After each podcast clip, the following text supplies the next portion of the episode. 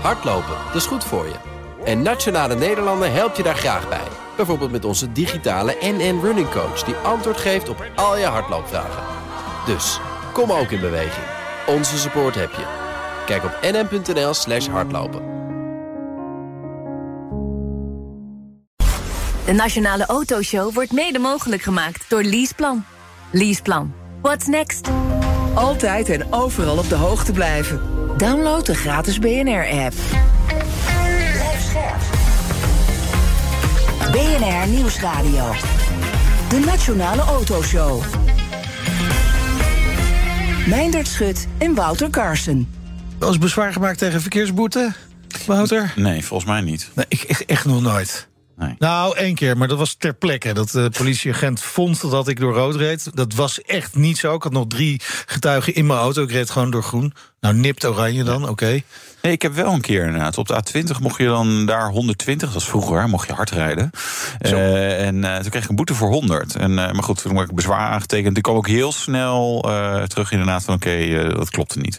Ja. Dus, ja, je hoeft het niet meer zelf te doen. Hè. Er zijn gewoon bedrijfjes voor, daar, die het voor je kunnen doen. Dus als je het niet eens bent met je WOZ, dan doe je dat. En ben je het Ja. niet eens met je verkeersboete, kun je ook een bedrijfje inschakelen. Is niet iedereen er blij mee. Nee, dossiers stapelen zich op. En in de Tweede Kamer wordt zelfs gesproken van een fout verdienmodel. Je hoort er straks meer over. En verder eh, test Wouter de Volkswagen ID5. ID5. ID5. ID5. ID5. GTX. GTX. Ja. Ja. En we spreken zo eh, vastnet. Ja. Verspreken we vastnet? Vastnet, Leuk. ja. Hè, die, Lang die hebben ook geel, hè? Die zijn zo in het gele team. Zeker, ja, je ziet tegenwoordig op de snelweg die bordjes ook. eh, Ja. Waar, je, waar je kunt laden. is op zich best handig. Maar eerst het autonieuws. Ja, doe eens wat. Autoblog had een scoopie. Ja. Zo, over Ja. Spijker. Ja. Ja, ehm, dat is niet helemaal netjes gegaan allemaal. Er zijn eh, wat auto's en andere dingen Failliet verkocht. mensfraude. Failliete begreep mensen, ik. fraude, ja, paulianeus handelen. Dat mag allemaal niet. Eh, als, je, als je weet dat je failliet gaat of je bent failliet... of je, nou ja, dan mag je niet allemaal spullen nog even verkopen. Want dat moet dan eh, de curator... en nou ja, dat moet de failliete boedel zeg maar mee, Ja. mee Maar, maar wat is er dan gebe- precies gebeurd? Want de curator wil nu geld zien van Victor Muller. Ja, Want hij heeft uit die failliete boedel heeft hij, heeft hij onderdelen verkocht. Ja. Eh, en het is Spiker Limited. Ja, het wordt meteen ingewikkeld met allemaal BV's en limiteds en zo. Dat is, dat is Nou, natuurlijk maar een beetje... limited, limited is het gedeelte waar hij een doorstart mee wil maken. Ja, en die heeft onrechtmatig de volledige voorraad van Spijker Services BV en meerdere auto's verkocht. Ter waarde van ruim anderhalf miljoen euro. En ergens denk ik, woe, anderhalf miljoen euro, veel geld. En aan de andere kant denk ik, ja, maar voor een autofabrikant, eh, ook al is het klein, is het eigenlijk weer ook weer peanuts. Ja. Maar goed, die hebben onterecht verkocht, ja, dus dat moet terug. En ja, nu misschien gaat de curator een keer doorbijten. Ehm, want ja, je moet gewoon eh, nu, ja, eh, weet je, nu het moet gewoon een keer worden afgerond. Ja, het duurt heel lang. ontzettend lang. Ja. En eh, het enige wat nog echt interessant is aan spijkers en merkrechten en auteursrechten op de modellen, et cetera. Nou ja, daar is misschien wel interesse voor bij Ja. deze of gene. Ja, maar meestal gaat het zo met Spijker. Hè, dan denk je van, oké, nu is het echt afgelopen. Ja. En, en dan komt Victor Muller weer met een Ja. zak geld uit een hoge hoed bij iemand vandaan. Ja. En dan kan die er toch weer door. Ja, maar ja, de, de, de hoge hoeden Oh, beginnen en een hij beetje op zegt ook dat het allemaal niet klopt trouwens. Nee, dat zou ik ook zeggen. Maar eh, ja, ja, ja maar, ik ben ik, benieuwd. denk dat een curator daar redelijk goed onderzoek naar doet. En die roept niet zomaar wat. Nee. Hij heeft er ook best de tijd voor genomen. Ja, nou, ook niet zo heel goed gaat het met Lucid. Ja, slaat bijna een vijfde van het personeelsbestand. ja, dat is best veel. Ja, Ja. Eh, nee, die, ja, weet je, de, die productie die, die schaalt nog niet zo super lekker op. Hè. Het zijn op zich eh, fantastische EV's. maar ja, als je er niet genoeg weet te bouwen... en dus niet genoeg weet te verkopen... Ja, dan kom je op een gegeven moment een beetje in de clinch. Ook duur. Wat was het alweer? 160.000 nee, euro? die versie die ik reed 220.000 euro. Ja, de, nee, dat, Maar dat voor is- een. Ja. ja, voor, voor een, ja, wel 1111 pk. Hè? Jawel, maar voor een merk dat zich nog niet bewezen heeft. Nee, nee. Dus je En- weet en- en ik- eigenlijk niet wat je rijdt. En nee, oké, maar goed. Nou heb, ik- heb ik ook een video over gemaakt. kan je die, nee, zijn, ja, die, weet je ook die, die, die al een hele legacy hebben en die ook niet goed rijden, maar Nee. oké, dat eh, en net zoveel kosten. Ja, ja, nou ja, dat is inderdaad wel. eh, het rijdt op zich goed, maar ook weer niet waanzinnig. Hè? En eh, kijk, het heeft wel heel veel pk.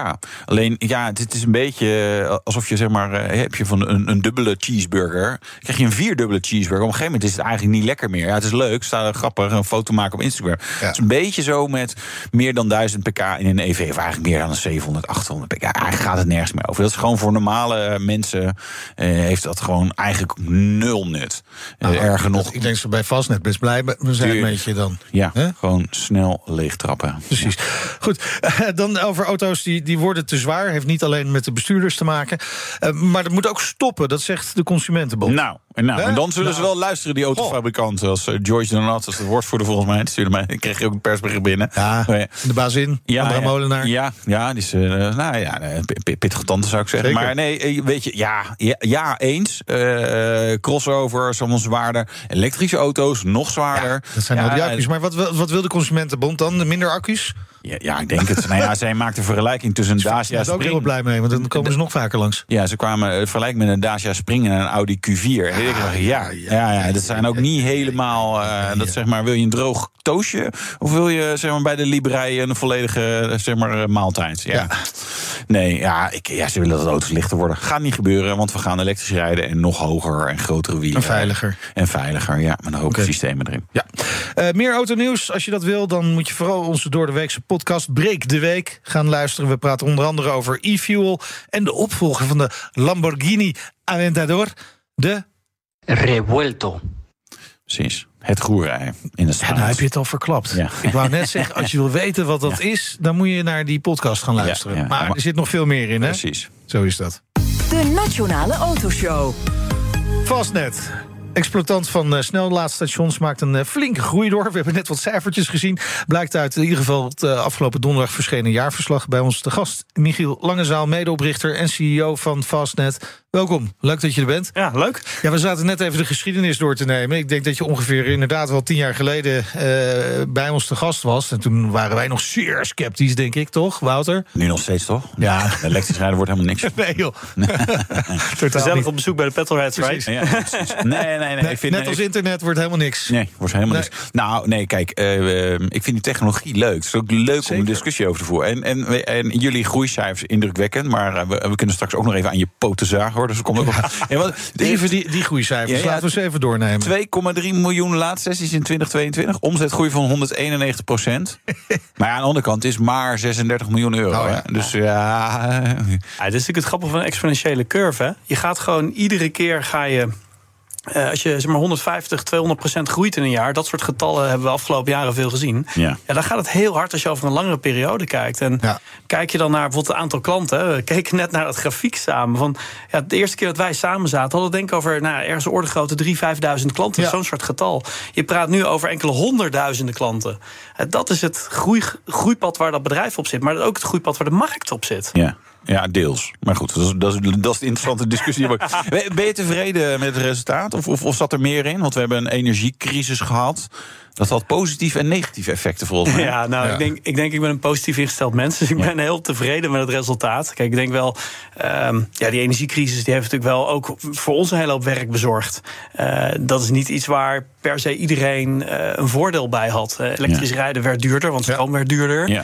Ehm, ja, dat is niet iets wat, wat die transitie versnelt. Nou, het was- liever anders gezien. Ja, het was wel zo. Ik, ik betaalde bij mij op de zaak op een gegeven moment 1,05 euro per kilowattuur. Dus ik ging echt niet zeg maar, bij, aan de, op de zaak aan de laadpaal hangen. Dus dan gingen we naar, naar Fastnet. dus dat is wel gebeurd. Dus daar had je voordeel van. Ja. Alleen nu is die prijs natuurlijk weer wat normaler. Hè. Eh, Langzaam eh, worden de energietarieven zeg maar, weer wat normaler. Dus dat, dat, dat geeft misschien ook wel een beetje vertekend beeld in, in die grafiek.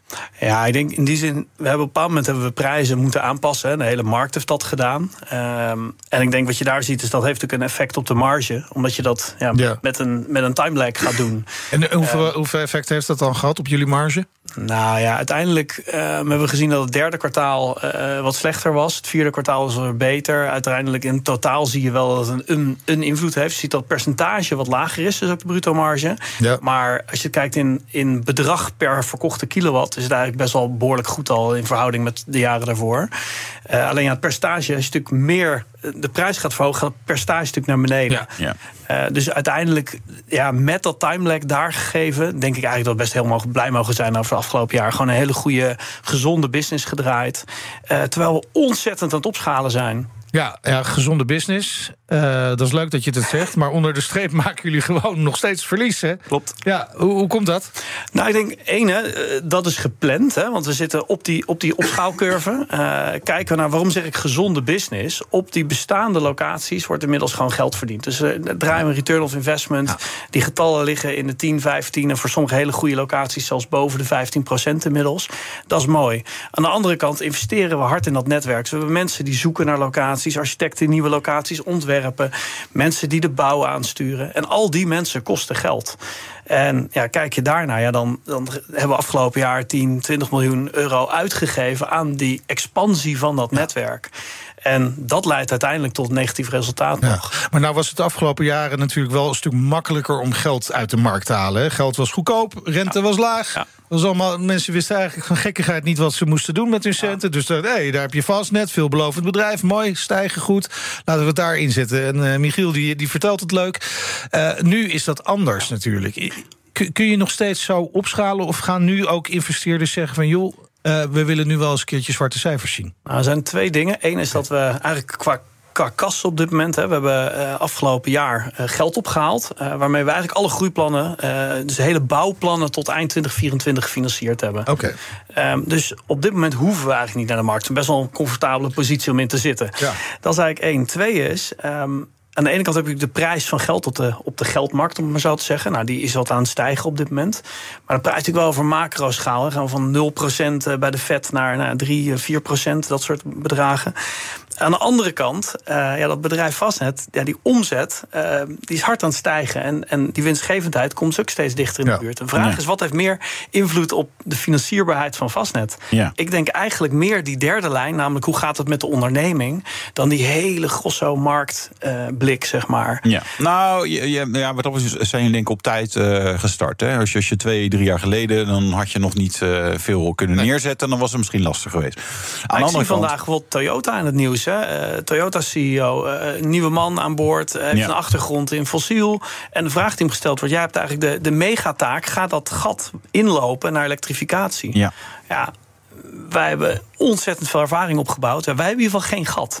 Ehm, en, dat, en dat is een ontzettend goede uitgangspositie om in deze groeimarkt mee te ja. spelen. Maar eh, de handvraag is natuurlijk, ja, wanneer, wanneer ga je wel een keer winst maken? Ja. Hè? Als je die zo'n zo'n dik jacht Precies. in de Middellandse Zee kan kopen en zo. Ik bedoel, de grote agenda 500 erbij. stond je al. Nou, ja, weet je, ja, we prikken hem gewoon even. Ja. Nee, nou, ik denk, ik denk om, om een klein beetje een vooruitblik te geven, over een paar weken zullen we ook weer marktguidance gaan geven, Q1-resultaten bekendmaken. Maar als je de rekensom maakt, hè, we hebben eh, Q4-cijfers hebben we bekendgemaakt. We hebben toen al gezegd, als je naar de run rate revenue kijkt, hè, dus de annualisatie, de jaar, maken van die cijfers, dan kom je op een 53 miljoen omzet. Kijk je naar de kosten van afgelopen jaar, dan praat je over ongeveer een, een dikke 50 miljoen, 55 miljoen, zeg maar in die, in die range. Ja. Het is een fixed cost business. Um, en vanaf dat punt zijn we hard aan het groeien. En de marge, nou, eh, orde grootte, zeg maar 70, 80 procent. Dat is wat we afgelopen jaren gedraaid Ja. hebben. Iets lager dit jaar. Ja. Maar begrijp ik goed uit dit verhaal dat jullie dit jaar mogelijk op een break-even point komen? Nou, dat hebben we vorig jaar hebben we, daarnaar, hebben we dat gezegd, hè, dat we dat, dat verwachten. En ik denk dat dat, ja, zeg maar, we zijn heel hard die richting aan het opgaan. Ja, ja. Dus 2023 break-even. Voorzichtig. Over, over een paar Voorzichtig. weken. Voor- over ja. een paar weken. Nou Over ja, een paar nee, weken nee, nee, op, zich maar. Aan de andere kant zou je kunnen zeggen... Hè, we, eh, la- lange tijd eh, zochten we een snellader langs de snelweg. Dan nou ja, moesten we alleen maar even iets gils opzoeken. Ja. En nu, eh, ik, ik ken tankstations... En daar, zijn nog er steeds, hè? alleen gewoon geel ja, kijken. ja, dat is waar. Dat is waar. Nou, ik zie ook wel, eh, jullie, compliment wil ik je absoluut geven. Jullie stations staan altijd meer mensen dan bij, de, bij andere snelladers. Eh, ook om, omdat het altijd werkt eigenlijk. Dat is mijn ervaring. Ja. Ja. ook veel elektrisch. Maar er komen wel allerlei aanbieders. En ze zijn ook best wel een beetje gas aan het geven. Eh, ook, Ja. ook de oude fossielen, zeg maar. Met die mooie schelp bijvoorbeeld. Die maakt ook veel reclame. En, en, en ja, weet je, het, je, je, je gaat druk krijgen. Linksom of rechtsom. Nou, het grappige is, ik denk dat ik helemaal, zeg maar, meega in dat verhaal, eigenlijk tot op het laatste woord druk krijgen. En het interessante is eigenlijk namelijk dat die markt is zo hard aan het groeien. Er is zoveel infrastructuur nodig. En ja, in een exponentieel groeiende markt van aantallen auto's die die weg opkomen, wie gaat er exponentieel capaciteit van die laadinfrastructuur bijbouwen? Dat moet ook gebeuren. Die vraag Ja. moet een, een, een aanbod krijgen. En ja, wat we eigenlijk zien is dat die, die druk, die concurrentiedruk, ja, die is natuurlijk relatief afhankelijk daarvan. Ja. En ja, wat we eigenlijk zien daarmee is dat ja, er is heel veel meer concurrentie. Er komen meer partijen op de markt. Er gebeurt ontzettend veel. En dat is ook nodig om een Parijsakkoord te halen. Dat is ook nodig om al die elektrische auto's die de markt opkomen van energie te voorzien. Maar is die concurrentiedruk voor een bedrijf als Fastnet of andersom andere partijen die willen spelen heel gigantisch? Ik denk het heel beperkt. Nou, we hebben natuurlijk dat Europese uh, plan voor de laadinfrastructuur. Hè. Dat moet een flinke boost gaan krijgen. Elke 60 kilometer op de grote snelwegen een, een laadstation. Ik neem aan dat bij jullie de champagne open ging. Nou, ik, ik nam dit boek mee. Hè. We hebben ja. uh, gewerkt, hè. sneak peek voor vandaag, BNR. Uh, over een paar weken zullen we hem. Ja. zullen we Dit gaat over, over tien, tien, jaar vastnet. Dit boek gaat over tien jaar. Afgelopen tien jaar vastnet, langs de snelweg. de ontwikkeling van, van, van snelladen langs, langs het Rijkswegennetwerk in Nederland. Ja. En kijk je dan nu naar die, naar die plannen uh, van de EU, ja, die gaan over de ontwikkeling eigenlijk van wat we afgelopen tien jaar in Nederland gedaan hebben, ja. door heel Europa. Ja. En nou, wat hebben we vorig jaar gedaan in Frankrijk? Uh, we hebben meegedaan ontzettend veel van die aanbesteding om die infrastructuur te realiseren. Dat creëert ontzettend veel waarde voor onderneming. Creëert Ja. heel veel waarde voor elektrische rijders. Ja. En dat is een kans die er ook uitkomt. Ja, eh, eens. Maar wij leven hier in Madurodam. eh op een iets grotere schaal. Dus het is, het is een heel klein land. eh, en het is de temperatuur fantastisch. We hebben, weet je, eh, dus voor elektrisch rijden. maar- kom je in Portugal, Spanje, Frankrijk, Duitsland... zijn de afstanden soms veel groter. Je ga, ga, bedoel, dat je in Nederland kan zeggen... ah ja, we zijn er eigenlijk al 60 kilometer. Maar dit is misschien wel lastiger. Misschien. Nou, daar zat ik ook een beetje over na te denken. Ik denk dat wij, toen wij hier vijf, zes, zeven jaar geleden zaten... hadden we het over een Nissan Leaf. En dan keken jullie ook een beetje soort van met eh, ogen... oh nee, wat een auto. Maar het grappige is dat... Doen we nog steeds trouwens, maar goed. al- al- ja, en, en, nou, maar wat is er ook de markt op gekomen... is die BMW i4. En dat is een auto, als ik in jullie ogen kijk... ik zie gewoon de glinstering direct Ja. gaan. Dat is een auto die eigenlijk... eh ja, ehm, eh, autorijliefhebbers, zeg maar... Wat rij je kan- zelf kan- eigenlijk?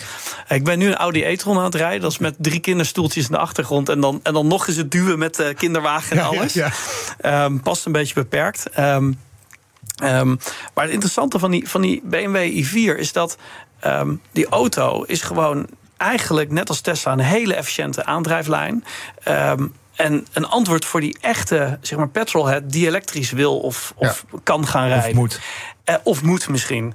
En zo'n auto, kijken we naar, nou, neem bijvoorbeeld zo'n Tesla Björn die van YouTube-filmpjes maakte. Eh, die zegt altijd: ja, ik heb een ICE benchmark. Hè, ik rijd 1000 kilometer, kost me 9,5 uur. En nou, die BMW i4, de Mercedes EQS, Tesla Model 3, die komen inmiddels in de orde groot van 5, 6 minuten in de buurt van dat getal. Ja, dat zeg jij. Nou had ik toevallig een ex-collega van mij... die met een i4 een vrijdagnacht naar Zulde was gereden. Twee weken geleden. En die had er drie uur langer over gedaan... dan de andere mensen in een dikke Toyota... nee, van Corolla Hybrid. Dat is niet voor niets een ex-collega. Je hebt hem Nee, ontslagen. ja, precies waarom ik het dan ja, heel ja, over. Ja. Nou ja, nee, kijk, ja, weet je, kijk, la- lange afstanden, eh, ja, heel simpel. Ik, weet je, daar is een EV gewoon niet goed in. En, en dan, eh, want je blijft er tegenaan lopen.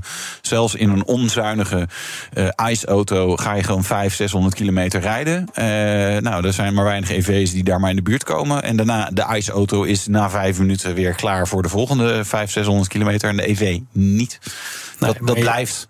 De vraag is hoe groot dat probleem is natuurlijk. Denk, ik denk dat het gat steeds kleiner wordt. Dat is eigenlijk het grote verschil wat je ziet gaan gebeuren. En ik denk.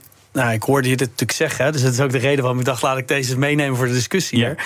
Maar wat je ziet is dat zo'n Tesla Björn, zeg maar, die, die doet dit soort testen. Ja. En die komt met, die, met die, ja, die auto's en die testen relatief dicht bij in de buurt. En ik denk als jij in Duitsland eh, echt het gaspedaal intrapt. eh, bij eh, misschien nu de, de soort van imperfecte laadinfrastructuur hier en daar gebruik maakt van niet grote laadstations. Ja, dan kan je op een bepaald moment in de laadfile terechtkomen. Een Ja. paar combinaties kom je tot drie uur. Heel vervelend. Ja. Eh, en Nou, gelukkig zijn partijen als vast mij, bezig ja, met ja, je moet gewoon lekker door. Hoe- Hoeveel stations zijn er eh, bijgebouwd in, eh, in de afgelopen periode? Er zijn er 59 bijgebouwd afgelopen jaar. En dat is een Ja. getal we proberen steeds verder op te schalen. En die stations worden ook steeds groter. Hè. Bijvoorbeeld Noord-Parijs, een station met 16 laadpunten. Allemaal capable 300 kilowatt te leveren. Ja, daar kun je honderden klanten per dag van een volle batterij voorzien. Ja. Ja, nou, dat, ik bedoel, dat is ook een beetje het Tesla-model met de supercharger. Ja. Gewoon een hoop neer. En heel lang was het natuurlijk bij jullie wel van... nou, dat nou hier staan de twee laadpalen. Twee keer 50 kilowatt ook nog, sommige. Ja, klopt. Ja, dus de, de, daar gaat het heen. Maar... Um, Waar, waar, moet je, naar welk aantal willen jullie, willen jullie toe? Want als er 60, om de 60 kilometer op de grote, is het op de grote snelweg, op alle snelwegen? Grote snelwegen. Grote, we ook zo'n belangrijke, belangrijke snelwegen. Belangrijke snelwegen. nou, dus als je in Zeeland, als je in Zeeland woont, ben je sowieso uh, fucked. Want ja, er weinig snelwegen en, en ze zijn niet belangrijk. Dus nou, zoek het maar uit. Hè? Uh, even grofweg. Nou, ja. ik weet niet. Uh... Europa spreekt natuurlijk alleen over haar, wat zij benoemen de, de Europese routes. Die ja, routes met zo'n E-nummer. Ja, precies. Um, waar ik naar kijk is gewoon waar rijdt veel verkeer langs. Dat is ons doel. Zorg dat mensen overal heen kunnen rijden. Ja. Uh, nou, niet overal. Je kijkt naar waar veel verkeer rijdt. Dat zijn twee, wel twee verschillende dingen. Ja, oké, okay, fair nee, point. Ja, toch? Nee, maar dat is, dat is wel een, een, een, punt. Zeg maar, kijk, uiteindelijk zitten wij er om, om impact te maken. Wij willen dat veel mensen elektrisch kunnen rijden. En, en ja, wil je dat, dat versnellen, dan moet er ook een business case zijn. Maar eigenlijk is, is het voorbeeld Zuid-Hollandse eilanden, Zeeland, is wel een aardige. Jij als bedrijf, snap ik heel goed. Je zegt, ja, een moeilijke business case. Gaan we niet per se als eerste daar iets doen. Maar aan de andere kant, als de Europese Unie zegt... van jongens, we willen dat jullie het allemaal doen... dan, dan moet er dus een model komen waar je, waar je dat wel voor elkaar Ja, maar dan moet, dan moet er subsidie komen. Lijkt mij, toch? Ja, weet ik veel. Ja. Nou ja, als je het wil, wel. Ja. Ja, dus ik denk dat dat zou helpen. Uh, maar ik denk het grootste ding wat eigenlijk hier gaat door gebeuren... is dat er beleid komt. Uh, dat die overheden eigenlijk gaan komen met tenders, procedures... om die locaties aan te besteden. En wat we zien is eigenlijk dat dat echte versnelling creëert. En in zo'n tender heb je ook een, een financieel component vaak. Ja, uh, de hoeveelheid huur die je gaat betalen aan de overheid... ja, misschien is die dan wel lager voor een locatie in Zeeland. zijn ook minder klanten. Ja, ja, dat is waar.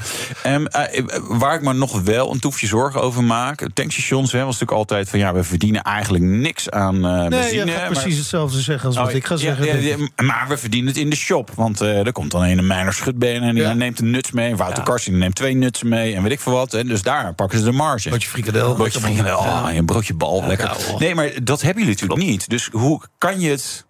Kan het echt uit, zeg maar, zo'n locatie? Nog, Nog niet. niet. Nog niet. Ja, ja, wanneer, wanneer, komt, nou, wanneer komt de eerste vastnetwinkel? Ja, er zit twee weken geleden een persbericht gedaan over uh, een tender die we wonnen vlakbij Gent. Hè. Ja. Uh, ook overigens aan zo'n grote E-route, Europese E-route, rijden 30.000 auto's aan beide zijden heen en weer dagelijks. Hè. Een grote snelweg. Ja, we gaan daar twee laadstations bouwen met twee grote koffie, uh, toiletten, broodjes, shops. Ja. Dus dat wordt eigenlijk gewoon wat we kennen van een, van een klassieke verzorgingsplaats, klassiek tankstation langs snelweg. Alleen tank je geen benzine, maar tank je elektriciteit. Ja. En kun je gewoon de shop in wandelen, een broodje krijgen, okay. et cetera, et cetera. Potentieel wild winstgevend, want het tanken ja. is vijf minuten. En met laden is, ja, je staat toch al een kwartiertje, 30 minuten. Dus ja. Je verbreedt uiteindelijk gewoon het, het, het aanbod. En uiteindelijk is dat voor die, voor die elektrische rijder die daar komt... het is natuurlijk gewoon een veel prettiger aanbod. Dus ja. je wil uiteindelijk dat elektrisch rijden net zo prettig is of prettiger dan rijden in een benzineauto. Nog even een, een andere zaak, hè, want dat is natuurlijk het verschil met uh, een auto met een verbrandingsmotor. Daarvoor moet ik echt wel naar het tankstation. Er zijn misschien een paar andere Mooi van elektrisch is dat je hem thuis kan opladen. Ja, precies. Ja, ja. ja. En, nou is dat ook weer niet voor iedereen weggelegd. We kijken hier uit op een flat. Ik denk niet dat iedereen daar zijn auto elektrisch kan op gaan laden. Het lijkt me niet handig als de snoertjes allemaal uit het raam gaan.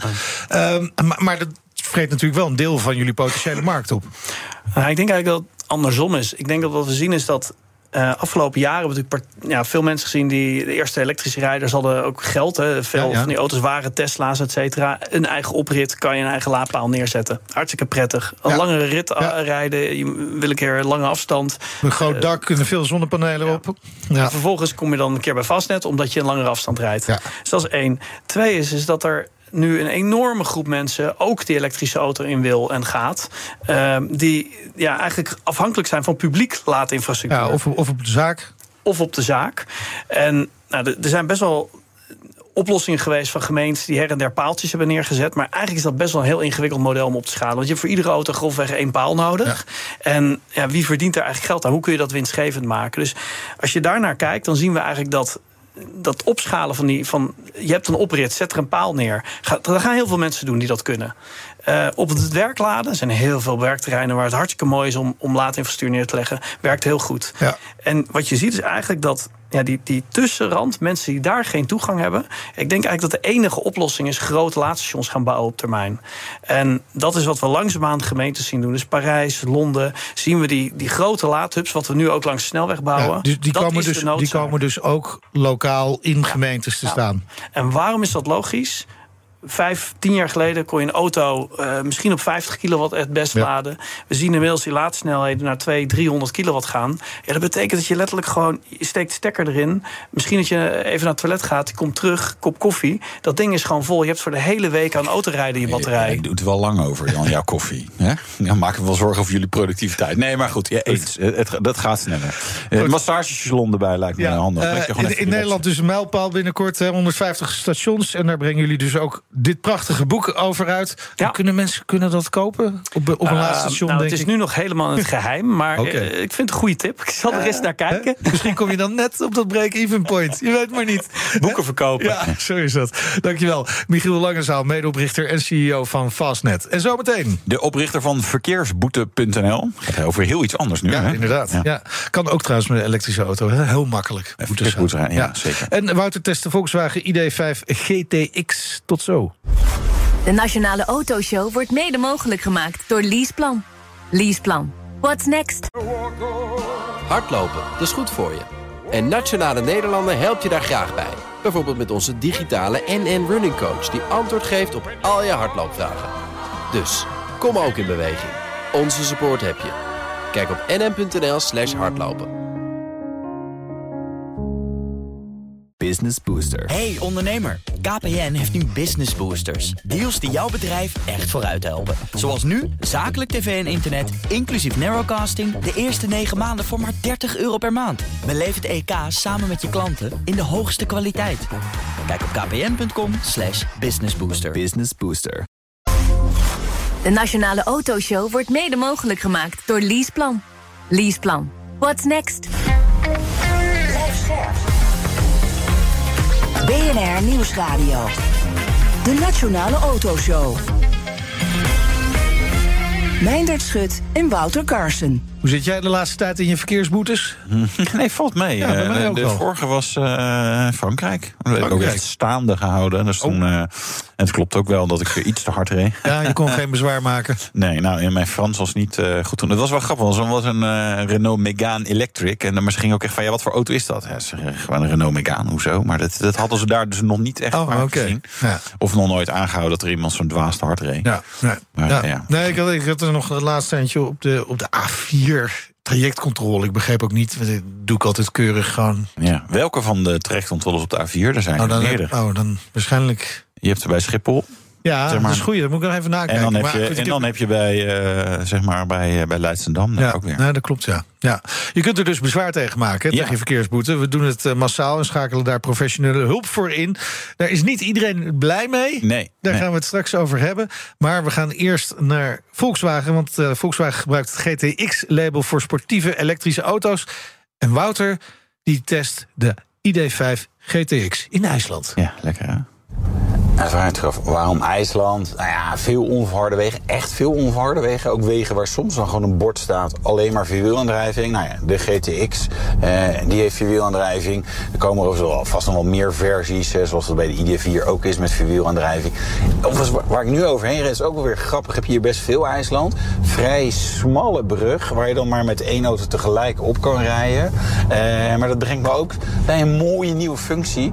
Die in software 3.1, moet ik het even goed hebben. 3.2, 3.2 geloof ik zit. Ehm, maar het kan ook 3.1 zijn. Who cares? Nee, een functie waarbij je automatisch kan parkeren. En dat is zo'n functie. Stel dat je een smalle parkeerplaats hebt thuis. Een vooruit durf je nog wel in te zetten. Ik ken mensen. Hi Hanneke. Ik heb het over jou. Ehm, durft hem er wel in te zetten, maar je durft eigenlijk niet meer achteruit te rijden. Kan die auto dat zelf doen? Dat is eigenlijk wel een mooie functie. Hè? Gewoon geautomatiseerd op basis van de camera's hoef je echt helemaal niks eh, te doen. En zodat zeg maar, zo'n volgende stap met de zelfrijdende auto. Ze waren ook heel trots, maar daar waren wij wat minder van onder de indruk. Dat ze inmiddels ook zelf kunnen inhalen. Hè? Dus je rijdt ergens op de snelweg op de adaptieve cruise control doet je knipper uit naar links en dan gaat hij zelf van baan wisselen. Nou ja, dat hebben we nou juist wel bij een heleboel andere merken ook wel gezien. Dus zo spannend is dat ook weer niet. Maar je ziet dat ze langzaam functionaliteit toevoegen. Ondertussen kijk ik naar buiten, IJsland. Overal water, rivieren, beekjes, watervallen, gijzers, nou ja, noem het allemaal op. Best wel weer een beetje ruige omgeving. eh. En vreemd genoeg zie je er wel veel EV's eh, rijden. Terwijl het echt, het is echt een groot eiland. Als je, we, hadden ook een discussie over wanneer is het nou iets nou een eiland en wanneer is het een continent. Feitelijk ligt IJsland natuurlijk op twee continenten. Hè. Zeg maar de eh, Eur- Eurazië-plaat en eh, de Noord-Amerikaanse plaat, die komen tegen elkaar aan. Eh, nou, een beetje halverwege, eigenlijk niet eens halverwege het eiland. Maar daarom heb je ook al die vulkanische activiteit. Maar eh, een rondje IJsland kan je rijden, is 1350 kilometer. Best veel. Gewoon groot. En er wonen hier 300.000 man. Dus het is hier gewoon best wel leeg. Maar goed, eh, dus ik verbaasde mij over dat er best veel EV's rondrijden in de buurt van Reykjavik. Ik denk, ja, als je toch wel even naar familie moet aan de andere kant van het eiland, ja, dan is dat best een end. Eh, en is er eigenlijk niet zoveel tussendoor. Het is niet zo zoals in Nederland dat je dan achter elkaar tankstations en snelheidsstations tegenkomt. Maar goed, ze zullen er wel over hebben nagedacht. Het komt wel goed. Ehm, dan de range natuurlijk belangrijk. Tot 520 kilometer voor de ID5, die best gestroomheid is. CW-waarde 0,26. De GTX, natuurlijk net even wat bredere banden, et cetera, is dan ietsje minder gunstig. Eh 0,27. 490 kilometer eh, WLTP. dat is ook weer niet baanberekend, maar echt meer dan goed genoeg. Dan qua technologie. We hebben het zo even over de GTX. Maar ik zal even de andere twee versies eh, van de ID5 ook nog even behandelen. Wellicht wat relevanter voor Nederland. Heel erg afhankelijk van de leverbaarheid uiteraard. Eh, want het zou best kunnen dat Volkswagen wat voorrang geeft aan de wat duurdere GTX om wat meer marge te pakken. Eh, maar er komt een ID5 met 174 pk, 235 Nm koppel. Ja, ik denk dat die een toefje zal tegenvallen. We sprint naar de 110,4 seconden. Dat is niet langzaam. Maar ja, in EV gaat alles zeg maar, zo, zo makkelijk. Dan zal dat wat lijzig aanvoelen. Eh, dan de Pro Performance, eh, die ID5.Pro Performance. eh 204 pk, 310 Nm koppel. Ehm 8,4 seconden naar de 100. Ehm, al een stuk beter. 160 km per uur voor beide. Dat is de topsnelheid. EV's, topsnelheid. Ja, dat is niet de meest gelukkige combinatie. Dus vandaar dat die altijd worden begrensd. Eh, en dan, ja, deze ID5 GTX. Een lekkere uitvoering. Het ziet er gewoon wel gewoon goed uit. Eh, net even ja, een lekker sportief sausje. Zonder dat het echt GTI is. Hè. Dat is wel de hoop die wij petrolheads hebben. Dat er nog echt sportieve eh, Volkswagen ID producten komen. We moeten nog even geduld hebben. Maar toch, ehm, hij heeft de motor zeg maar, op de achteras 204 pk. Hè. In de basis eh, alle ID-modellen achterwiel aangedreven. En dan op de vooras 109 pk. Eh, nou kan je dat bij elkaar optillen. Maar dan kom je niet tot het totaalvermogen wat Volkswagen opgeeft. Eh, want dat is namelijk 299 eh, pk. 460 Nm een koppel. Ja, dit is gewoon wel gewoon een lekkere, vlotte auto. 6,3 seconden naar de 100. eh, 180 km per uur. Het is wel gewoon ook gewoon dat je eventjes inhaalt. Dat je even gas geeft. Doe dat gewoon goed. Lekker. Lekker. Volkswagen ID5. Lekker. Lekker. Ja, wel GTX dus. Ja. Ja, het- wat, wel, wat ik jammer vind is dat ze niet echt een, iets sportiefs maken. Hè? Want dit is een beetje een soort, soort... Het is geen GTI. Nee, precies. Maar is, is, daar, is daar wel ruimte voor? Ja, ik, ja ik, ik, ik denk het uiteindelijk wel. Maar ja, weet je, het gebeurt eh, gewoon niet. Ze heeft denk ik ook een beetje met marktomstandigheden te maken. Ze, hebben natuurlijk, weet je ze zijn toch al uitverkocht. Dus ja, waarom Ja, dan nog een versie erbij brengen? Maar het is wel wat je... eh, wat je eigenlijk, eigenlijk is Volkswagen aan de stand verplicht om het wel te doen. Ja. Dus, maar goed. Ehm, ja, een geinige auto. Ja, kost het? Kost dat 52.990, dat is de ID5. En de GTX is vanaf 61.099. Oké. Geen geld, joh. Ja, nee, dat is geen geld. Nou ja, je kunt het allemaal terugverdienen eh, verdienen door eh, bezwaar te maken tegen je boetes. Hè? Ja, dat is, dan heb je het eh, zo, zo terugverdiend in elk geval. En daar gaan we het nu ook mooi over hebben. Over de boetes, want dat kan. Eh, marktleider in ons land is verkeersboete.nl. Oprichter is Nick Voorbach. En hij is nu hier bij ons in de studio. Je hebt er een heftige rit eh, zitten. Ja, dat klopt. Daar wil ik het gelijk even over hebben. Het was een eh, lichtblauwe Citroën C1. Oh, die? ja, die en Met, met kentekenen.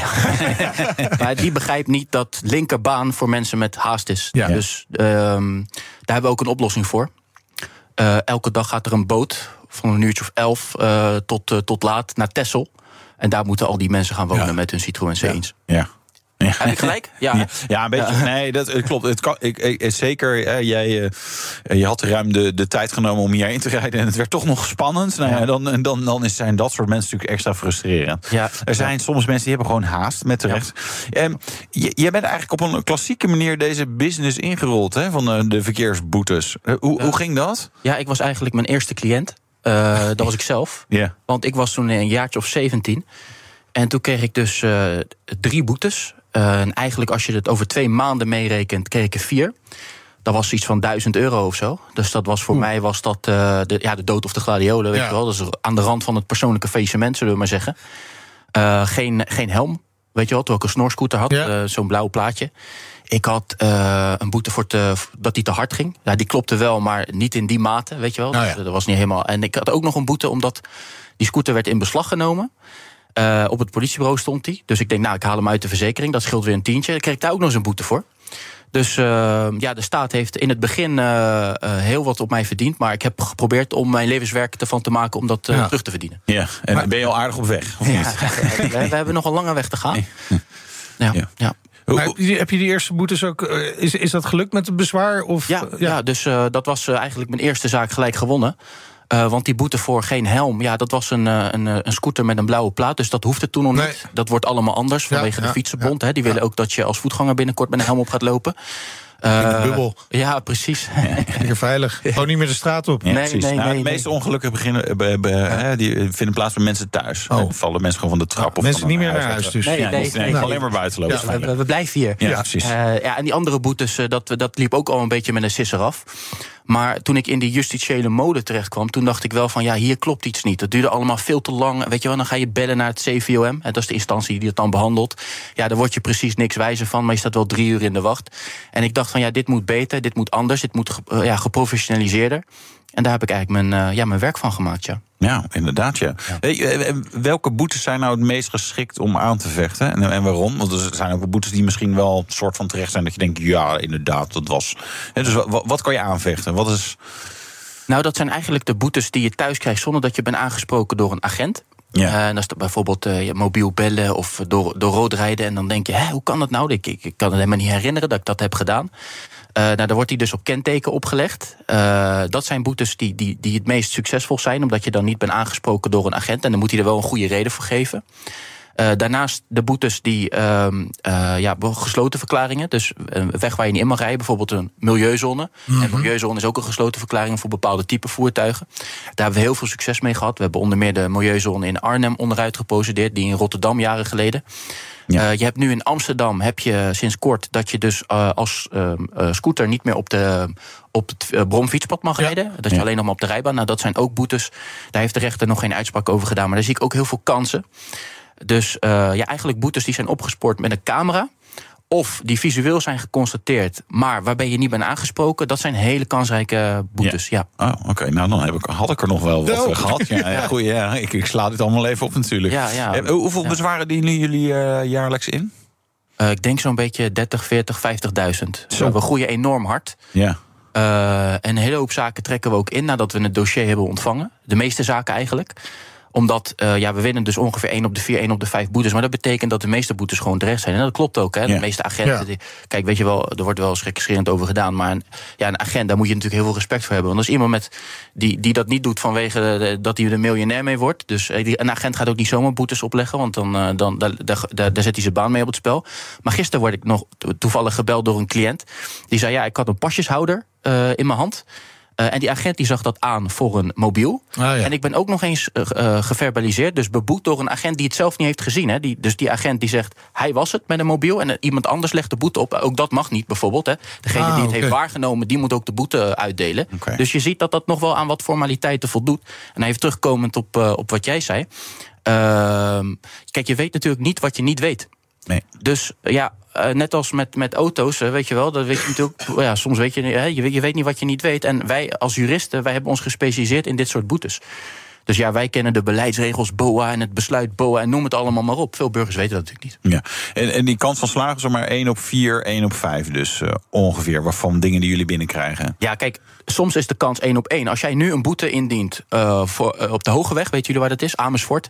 Dat is een. je, je kijkt me aan alsof dat buiten Nederland ligt. Ja, ja dat is net aan de rand van de rand. Nee, ik kom daar wel eens. Maar Nee, ja, ik heb nee. niet, misschien wel of niet op de hoge weg aan Amersfoort, geen idee. Nou, daar heb je dus een, een dat is een, een weg buiten de bebouwde kom. Dan kijk je om je heen en dan zie je, zie je polder. En, dat- en, dan niets, en er staat er ineens een bord met je mag hier niet verder rijden. Zonder pollers, weet je wel, die dingen die omhoog komen. Ja, ja. Nou, daar gaat iedereen gaat daar de fout in. Ik ben daar geweest met, eh, met eh, RTV Utrecht. We hebben daar gezien dat de staatskas op, in, twee minuten tijd voor 1000 euro aan boetes. Hè? Dus mensen blijven daar maar rijden, blijven daar maar rijden. Als je daar een boete indient, win ik hem 100 Want al die formaliteiten die, die, die, die in acht moeten worden genomen, die worden daar niet in acht genomen. Eh, maar als je een boete indient voor een trajectcontrole, ja, ook al dien je de duizend in, daar kan ik niks mee. Die kloppen. Ja. Dus ja. Ja, oké. Dus daar hoeven we niet eh, voor eh, naar jouw website te gaan. Eh, 20 maart, jongens, willen jullie een nieuw record. Hè? Hoeveel boetes heb je op die dag teruggevorderd? 233. ja. Dat is wel aardig veel, ja. Ja. Ja. Ja, dat zegt wel iets over hoe de overheid omgaat met regeltjes. Die ze zelf verzinnen. Ja, dat is bizar natuurlijk. Ja. Ja, want dat, dat is natuurlijk waar jullie uiteindelijk gebruik van maken. Hè? Dat eh, de, de overheid eigenlijk niet de eigen regels hanteert.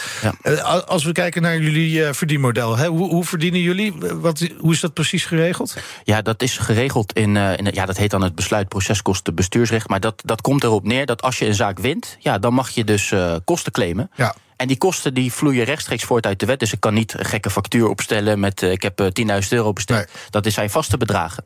Ja. ja. En hoe hoog is dat bedrag? Ja, dat varieert tussen de, zeg maar even tussen de 250 euro en de 1500 euro. Oké. Afhankelijk van de zaak dus. Afhank, nee, afhankelijk van hoeveel eh, proceshandelingen je hebt verricht. Dus als ik een bezwaarschrift schrijf, dan kan ik 250 euro claimen, hè, zo, Ja. om zo te zeggen. Maar als ik een bezwaarschrift schrijf, naar de, een zitting moet naar de rechter, het hoger beroep, dat, dat, dat komt dan in Leeuwarden, dan moet ik daarheen, een zitting. Ja, dan levert dat wat meer op. Ja, oké. En dat kunnen alleen jullie doen. Dat kan, dat kan niet een particulier ook doen. Nee, je moet een jurist inschakelen. Je moet een jurist inschakelen om dit voor elkaar te krijgen. Ja. Eh, nou, nou is hier wel discussie over. Hè? Want Ja. dit, dit, dit werkt eigenlijk hetzelfde als eh, de bureaus die eh, bezwaren op de WOZ eh, eh, indienen. Ja, een beetje wel. Toch? Ja. Ja, een beetje wel. Wat is het verschil dan? Nou, dat, kijk, wat ik zelf het verschil vind, is dat dit ook gaat om een stukje eerherstel. Hè. De overheid zegt bij een boete: jij hebt iets fout gedaan. Een agent zegt: ik heb iets gezien en, en dat heb je niet gedaan. Terwijl bij de WOZ is het ook vaak zo dat het gaat om, ja, het gaat om zul- soms om zulke kleine bedragen. En als je dan ziet eh, wat er soms uitvoert, dan kan je je afvragen: van ja, is dat wel helemaal, is dat wel helemaal juist? Dat speelt bij ons niet, maar we maken wel gebruik van dezelve regels. Juist, dat ja. klopt. Ja, ja. Ja. Eh, De Tweede Kamer roert zich, hè? Het- En die zeggen het lijkt op een fout verdienmodel, zegt eh, CDA-Kamerlid Anne Kuik. Oh jee. Oh jee, wat, wat vind je daarvan? die? nee, ja, Bibberen. bi- ja, bizar. Bizar.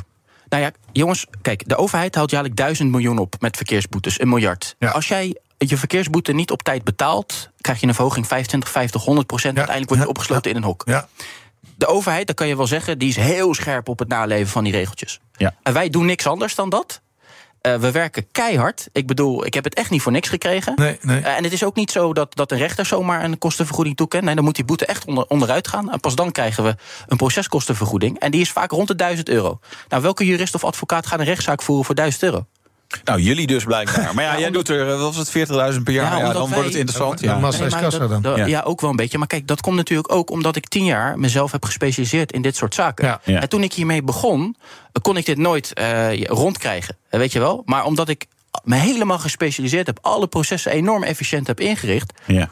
Eh, trek ik daar nu de, de, de vruchten van, om het maar zo te zeggen. Ja. Ja. En de overheid ook, want als al die burgers zelf bezwaar gaan maken, heeft de overheid daar wel eens bij stilgestaan. En mevrouw, hoe heet ze? Ja, Anne Kuik. Ja, nou ja, kijk, kom eens bij ons op kantoor. Moet je nou eens voorstellen dat in 30 of 40.000 zaken al die burgers, wij trekken mi- minimaal de helft daarvan in, al die burgers zelf naar Ja. de rechtbank gaan. Dan loopt het systeem vast. Ja, Dan loopt ja. het systeem echt vast. Maar ehm, eh, een Kamermeerderheid pleit nu wel voor een maximumvergoeding. Eh, Zou je daarmee kunnen leven als dat, als dat toch. eh, Nou, als die hoger is wel, ja. Ja, nee, dat, ik, meestal is in dit soort gevallen dat hij dan omlaag gaat. Nee, ik, ik kan me dat niet voorstellen. Kijk, eh, weet je, dat die rechter in Den Haag, waar dit allemaal mee is begonnen, die heeft een volstrekt onjuiste zaak eruit gelicht om, dit, om zijn punt te maken. Wat, wat was dat voor zaak? Nou, dat was een zaak waarbij de, waarbij de burger zelf er niet heel erg veel op vooruit is gegaan. Eh, maar waarbij de boete wel. eh, hij, was, hij deugde niet, want die agent zei. hij heeft te hard gereden op basis van een verkeersbord. maar dat verkeersbord stond er niet. Die officier van justitie die is vervolgens twee jaar in slaap gevallen. Want als hij gelijk dat had rechtgetrokken. dan had het 200 euro gekost. Maar die officier van justitie die deed niks, twee jaar tijd. En, en, en dan loopt die kostenvergoeding die loopt natuurlijk op. En daar is die proceskostenvergoeding ook eh, eh, op, uit vastgesteld. Hè. Enerzijds een tegemoetkoming. maar anderzijds een prikkel voor de overheid om het juiste te Om doen. het goed te doen. Ja, En, nou maar hoe, hoe Ja. hoog is dat bedrag uiteindelijk opgelopen dan? In die concrete zaak, ja, dat is dus 1300 euro in de BTW. Ja. Ja. Terwijl de boete, hoe hoog was die? Eh 180 euro. Ja, ja, ja. En dan, dan begrijp ik wel dat de overheid zich daar zorgen over maakt. Maar jij zegt eigenlijk, ja, ze moeten even goed kijken naar hun eigen processen. Want ze kunnen nu niet de schuld bij, bij jou bijvoorbeeld neerleggen... voor iets wat ze zelf verkeerd doen. Ja, oh, kijk, welke jurist gaat er procederen? Nou, laten we zeggen dat die proceskostenvergoeding naar beneden gaat. Laten we zeggen 200 euro. Ja. Dat is er geen jurist die zich daarvoor gaat inspannen. Want dat kost je minimaal 10 uur. Ja. Ja, kennen jullie een jurist die voor 2 euro per uur gaat werken? Nee, ik- dat bestaat niet. Nee. Dus dat is gewoon geen jurist. Ik hoop nog altijd er eentje te vinden. Maar Ja, ja, nee, is echt Dat zal niet zo goed zijn. Nee. Die moet je dan niet hebben. Ja, nee, maar als.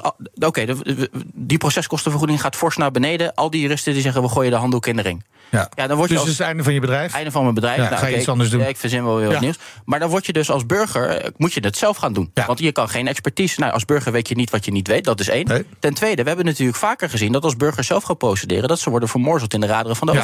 Overheid. Ja. De- dus de overheid denkt gewoon, ja, als we dit eh, gaan doen en jullie stoppen ermee, dan hebben wij geen probleem meer. Ja, maar goed, is dat een overheid die we willen? Nee. Nou, Nee, dit- dit- niet, maar. Nee, Dat maar is- dit, dit is natuurlijk wel het argument. Is van, weet je, je hebt, kijk, we hebben gewoon eh, wetten en regels waar we aan ons, eh, doen niet ons aan te houden. doe ik ook niet altijd. En af en toe word je gepakt en dan krijg je een, een flitsboete of een terechtcontroleboete binnen. Ja, jammer, betalen en weer door. Maar er zijn inderdaad ook gevallen dat je denkt, nou, ik weet het niet of ik reed ik daar. Weet je wel, ik, ik, we hadden het net over. Ik heb één keer, maar het lang geleden op de A20 mocht ik naar de 120. Eh en heb ik een boete gekregen voor 100 km per uur. Ik denk, ja, maar dat bord, dat, die flitser stond voor dat bord, eh, zeg maar, waar het 100 werd. Dus dat klopt niet. Ja, nee, je moet toch ook, zeg maar, tegengas kunnen geven. Hè? Want anders, anders wordt het een soort eh, eh, dictatuur. Eh, de overheid zegt, is dit, nou, dat zal dan wel kloppen. Nee, je moet ook, zeg maar, eh, daarover in discussie kunnen gaan natuurlijk. Du- dus eigenlijk moet er nu een discussie komen met, met de politiek. Is dat iets waar jij voor open staat om met inderdaad Kamerleden in gesprek te gaan? Ja, ik roep alle Kamerleden op. eh, wij, inderdaad, we zijn marktleider. Kom binnen. Het is tien minuten hemelsbreed van Den Haag zitten wij met ons kantoor. Kom kijken wat we doen. Eh, nogmaals, wij belasten het systeem zeker niet onnodig. Want we, alle zaken waar, waar we geen hel in zien, trekken we in. Dus alleen echt zaken waar we. Dit, dit klopt gewoon niet, die leggen we voor. Eh, en die kostenvergoeding die is zeker niet onevenredig hoog. Die is net genoeg voor een jurist die zich helemaal gespecialiseerd heeft in dit soort zaken. Om ja, net van rond te komen. En dat is, dat is precies waar die pro- proceskostenvergoeding voor is bedoeld. Ja, Ja, en als de Kamerleden eh, een, een boete binnenkrijgen, dan kunnen ze naar? Naar verkeersboete.nl. Ja, precies, dat is het. Dankjewel, Nick Voorbach, oprichter van verkeersboete.nl. En daarmee komen we het einde van de Nationale Autoshow voor deze week. Terugluisteren kan via onze website. Ook via onze app, moet je zeker even doen. Kun je al onze afleveringen lekker gaan bingen. Ja, precies. En dan kan nog even luisteren naar wel, welke boetes je nou precies eh, bezwaar kon eh, Dat is wel heel erg handig, Ja, inderdaad. dat is- Ja. Want eh, nou, dat levert dus gewoon geld op. En dan kan je geld verdienen met onze show. Nou, dus vergeet je niet te abonneren. Volg ons Twitter, Facebook, Instagram, LinkedIn. Waar zijn we allemaal niet te vinden? Overal. Ja. Ik ben Meijnerd Schut. En ik ben Wouter Karsen. Tot volgende week. Doei. De Nationale Autoshow wordt mede mogelijk gemaakt door Leaseplan. Leaseplan. What's next? Hardlopen, dat is goed voor je. En Nationale Nederlanden helpt je daar graag bij. Bijvoorbeeld met onze digitale NN Running Coach... die antwoord geeft op al je hardloopvragen. Dus, kom ook in beweging. Onze support heb je. Kijk op nn.nl slash hardlopen.